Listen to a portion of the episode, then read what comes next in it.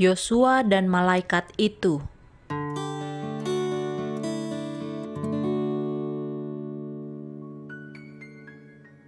Jika sekiranya tirai yang memisahkan dunia yang kelihatan daripada dunia yang tiada kelihatan itu dapat disingkapkan, dan umat Allah dapat melihat pertarungan besar yang berlangsung antara Kristus dengan malaikatnya yang suci melawan setan beserta bala tentaranya dari hal penebusan manusia. Jika mereka dapat memahami usaha ajaib Allah untuk menyelamatkan jiwa dari perhambaan dosa, dan penggunaan kuasanya tetap untuk melindungi mereka itu dari kebencian si jahat itu, maka mereka itu akan lebih bersedia menghadapi muslihat setan. Pikiran mereka akan bertekun karena melihat luasnya dan pentingnya rencana penebusan dan besarnya pekerjaan mereka sebagai teman bekerja sama dengan Kristus. Mereka akan merendahkan diri namun bersemangat – karena mengetahui bahwa segenap surga menaruh perhatian terhadap keselamatan mereka itu. Gambaran yang lebih jelas dan lebih berkesan dari hal pekerjaan setan dan pekerjaan Kristus dan kuasa pengantara kita untuk melenyapkan penuduh umatnya dilukiskan di dalam nubuatan Zakaria. Di dalam hayal kudus, nabi itu melihat Yosua imam besar itu mengenakan jubah yang kotor, berdiri di hadapan malaikat Tuhan, memohonkan rahmat Allah bagi umatnya yang mengalami aniaya yang besar. Setan berdiri di sebelah kanannya melawan dia. Imam besar itu tidak dapat membela dirinya sendiri ataupun umatnya dari tuduhan setan. Dia tiada mengatakan bahwa bangsa Israel lepas dari salah. Pada jubahnya yang kotor itu, yang melambangkan dosa umatnya, yang ditanggungnya sebagai utusan mereka, dia berdiri di hadapan malaikat itu, mengaku akan dosa mereka itu, namun menunjukkan pertobatan mereka dan kerendahan hatinya, berharap pada rahmat penebus yang mengampuni dosa, serta di dalam iman menuntut janji-janji Allah. Maka malaikat itu, yaitu Kristus sendiri, Juru Selamat orang berdosa, mendiamkan penuduh umatnya serta menyatakan, Tuhan kiranya menghardik engkau, hai iblis. Tuhan yang memilih Yerusalem kiranya menghardik engkau. Bukankah dia ini puntung yang telah ditarik dari api?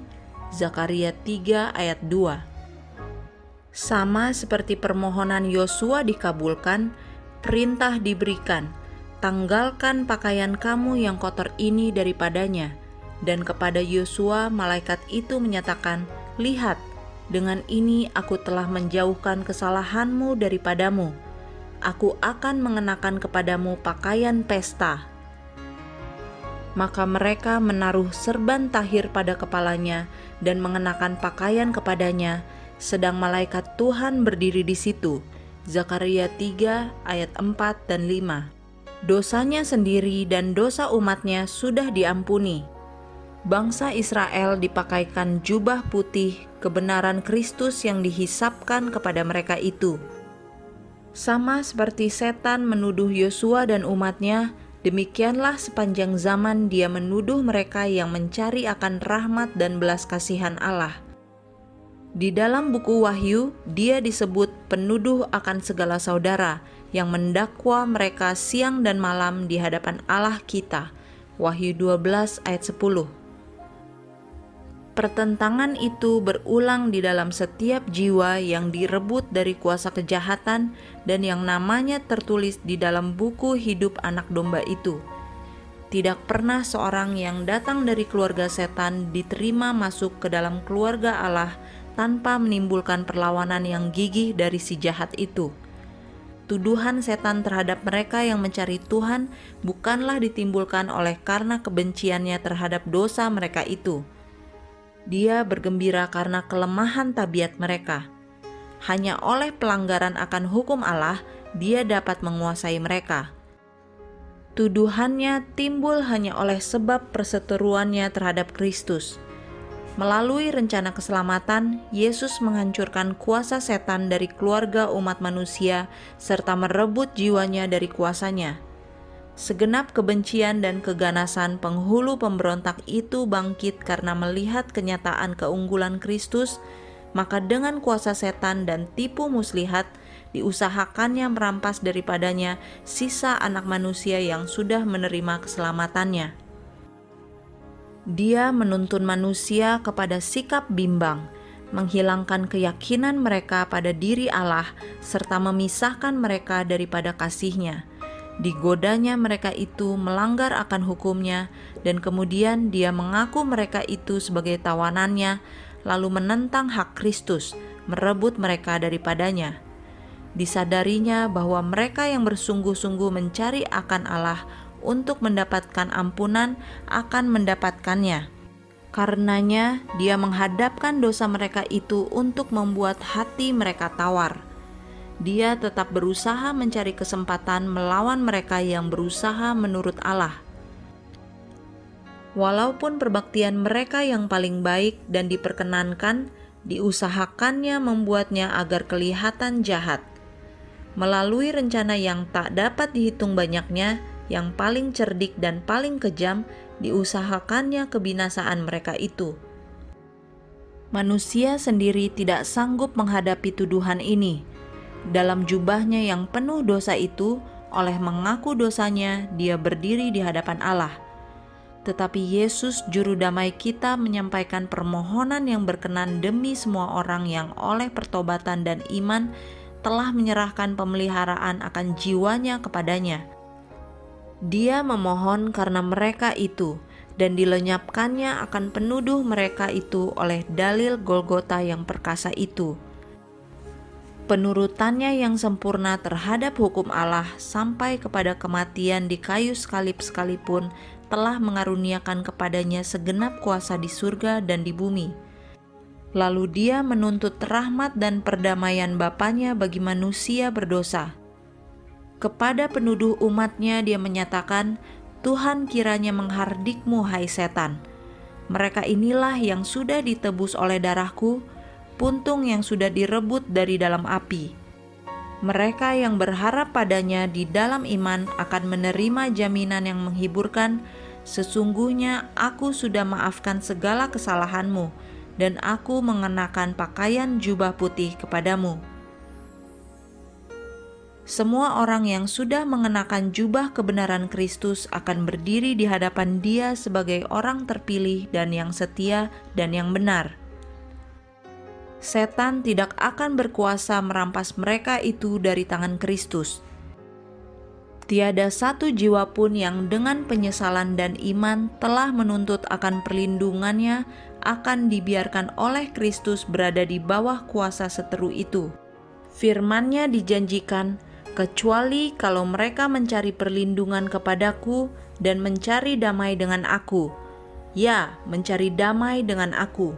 Yesaya 27 ayat 5. Perjanjian yang diberikan kepada Yosua diberikan juga kepada semua Apabila engkau hidup menurut jalan yang kutunjukkan, maka aku akan mengizinkan engkau masuk ke antara mereka yang berdiri melayani di sini. Zakaria 3 ayat 7 Malaikat Allah akan berjalan berdampingan dengan mereka walau dalam dunia ini. Lalu mereka itu akan berdiri pada akhirnya di antara malaikat yang mengelilingi tahta Allah dari kenyataan bahwa umat Allah yang diakui itu kelihatan berdiri di hadapan Tuhan mengenakan pakaian kotor, patutlah membawa kerendahan hati dan menggerakkan orang mengadakan penyelidikan hati yang mendalam bagi semua yang mengaku akan namanya. Mereka yang menyucikan dirinya dengan menurut kebenaran akan sangat merasakan kehinaan dirinya sendiri Semakin dekat mereka melihat tabiat Kristus yang tiada bercacat itu, semakin besarlah keinginan mereka menyesuaikan diri dengan petanya, dan mereka semakin tidak menemukan kebersihan atau kesucian di dalam diri mereka sendiri.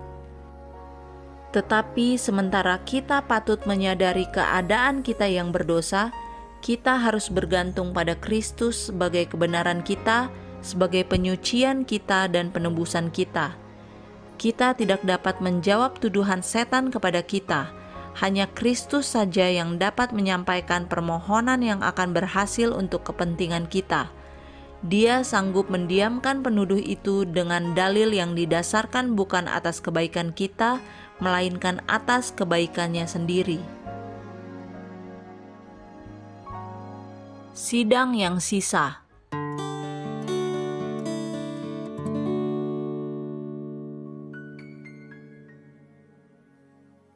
Hayal Zakaria mengenai Yosua dan malaikat itu diterapkan dengan lebih tegas kepada pengalaman umat Tuhan pada penutupan hari pendamaian yang besar. Sidang yang sisa akan menghadapi pencobaan dan kesusahan yang besar. Mereka yang memelihara hukum Allah dan beriman pada Yesus akan merasakan murka naga dan bala tentaranya itu. Setan menganggap dunia ini sebagai rakyatnya dia sudah menguasai sidang yang murtad, tetapi di sinilah suatu kelompok kecil yang melawan kebesarannya. Jika dia dapat menghapuskan mereka itu dari permukaan bumi, maka kemenangannya akan lengkap. Sama seperti dia mempengaruhi bangsa-bangsa kafir menghancurkan bangsa Israel. Demikianlah dalam waktu yang dekat dia akan membangunkan kuasa kejahatan dunia untuk membinasakan umat Allah semua orang akan dituntut menurut undang-undang buatan manusia yang bertentangan dengan hukum ilahi.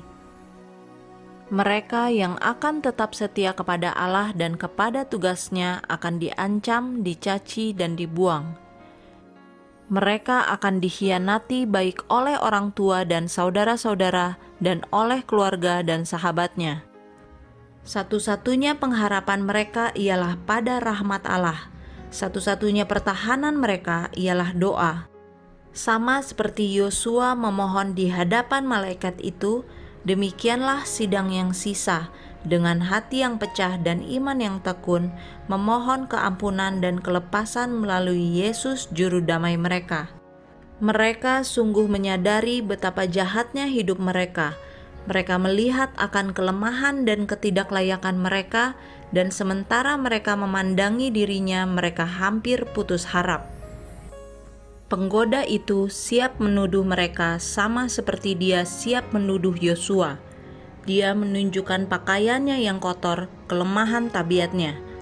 Dia menghadapkan kelemahan dan kesalahan mereka, dosa karena tidak bersyukur, keadaan mereka yang tidak sama dengan Kristus yang sudah menghinakan penebus mereka itu dia berusaha menakut-nakuti manusia dengan perasaan bahwa keadaan mereka itu tidak dapat diharapkan lagi, bahwa kenajisan dosa mereka itu takkan pernah terhapuskan.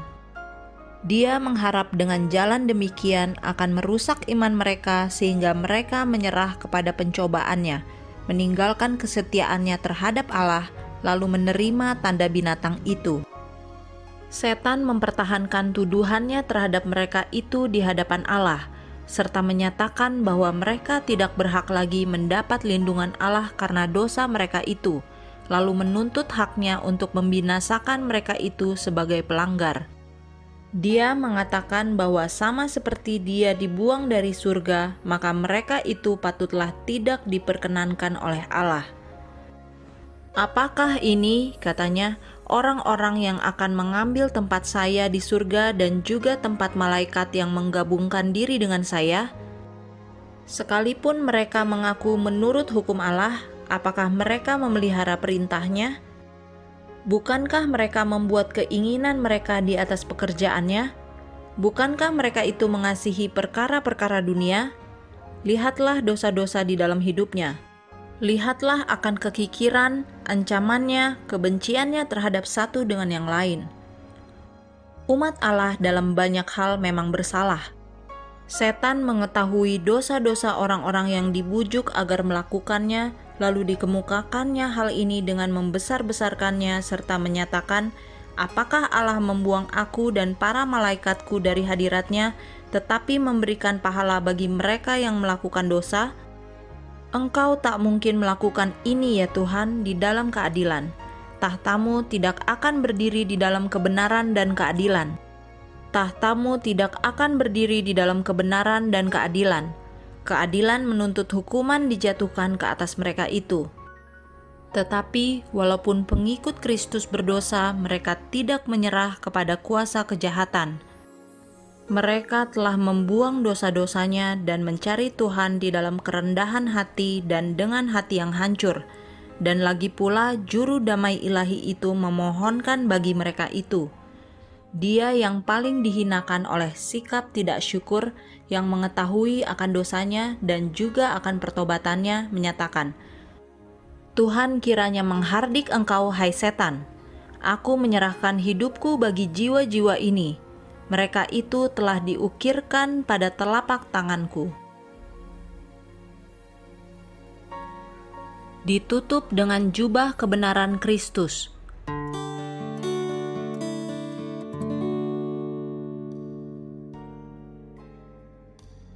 Sementara umat Allah menyiksa jiwanya di hadapannya, memohonkan kesucian hati, perintah diberikan, tanggalkanlah pakaian kotor itu dari mereka Lalu kata-kata yang menguatkan diucapkan, bahwasanya aku sudah mengampuni segala kesalahanmu dan aku mengenakan jubah putih kepadamu. Jubah kebenaran Kristus yang tiada bercacat itu dikenakan kepada anak-anak Allah yang terkena coba, yang digoda, tetapi tetap setia. Umat yang sisa yang dihina itu disalut pakaian kemuliaan yang tiada akan pernah lagi dinajiskan oleh kejahatan dunia. Nama mereka itu tetap ada di dalam buku hidup anak domba itu, dituliskan di antara nama orang yang setia sepanjang zaman. Mereka telah melawan tipu daya penipu itu. Mereka tidak undur dari kesetiaannya oleh kemarahan naga itu sekarang mereka sudah rasa aman untuk selama-lamanya dari muslihat penggoda itu. Dosa-dosa mereka sudah dipindahkan kepada sumber dosa itu. Oleh karena itu, umat yang sisa itu bukan hanya diampuni dan diterima, melainkan juga dihormati. Suatu serban suci dikenakan pada kepala mereka itu. Mereka itu akan jadi raja dan imam bagi Allah Sementara setan mendesakkan tuduhannya serta berusaha membinasakan kelompok ini, malaikat suci yang tiada kelihatan hilir mudik serta memeteraikan mereka dengan meterai Allah yang hidup itu. Inilah mereka yang berdiri di atas gunung Sion beserta anak domba itu, serta beroleh nama Bapa tertulis pada dahinya. Mereka menyanyikan nyanyian yang baru di hadapan tahta itu nyanyian yang tiada dapat dipelajari oleh orang kecuali 144 ribu itu yang sudah ditebus dari bumi itu. Mereka adalah orang-orang yang tidak mencemarkan dirinya dengan perempuan-perempuan karena mereka murni sama seperti perawan. Mereka adalah orang-orang yang mengikuti anak domba itu ke mana saja ia pergi mereka ditebus dari antara manusia sebagai korban-korban sulung bagi Allah dan bagi anak domba itu. Dan di dalam mulut mereka tidak terdapat dusta, mereka tidak bercela. Wahyu 14 ayat 4 dan 5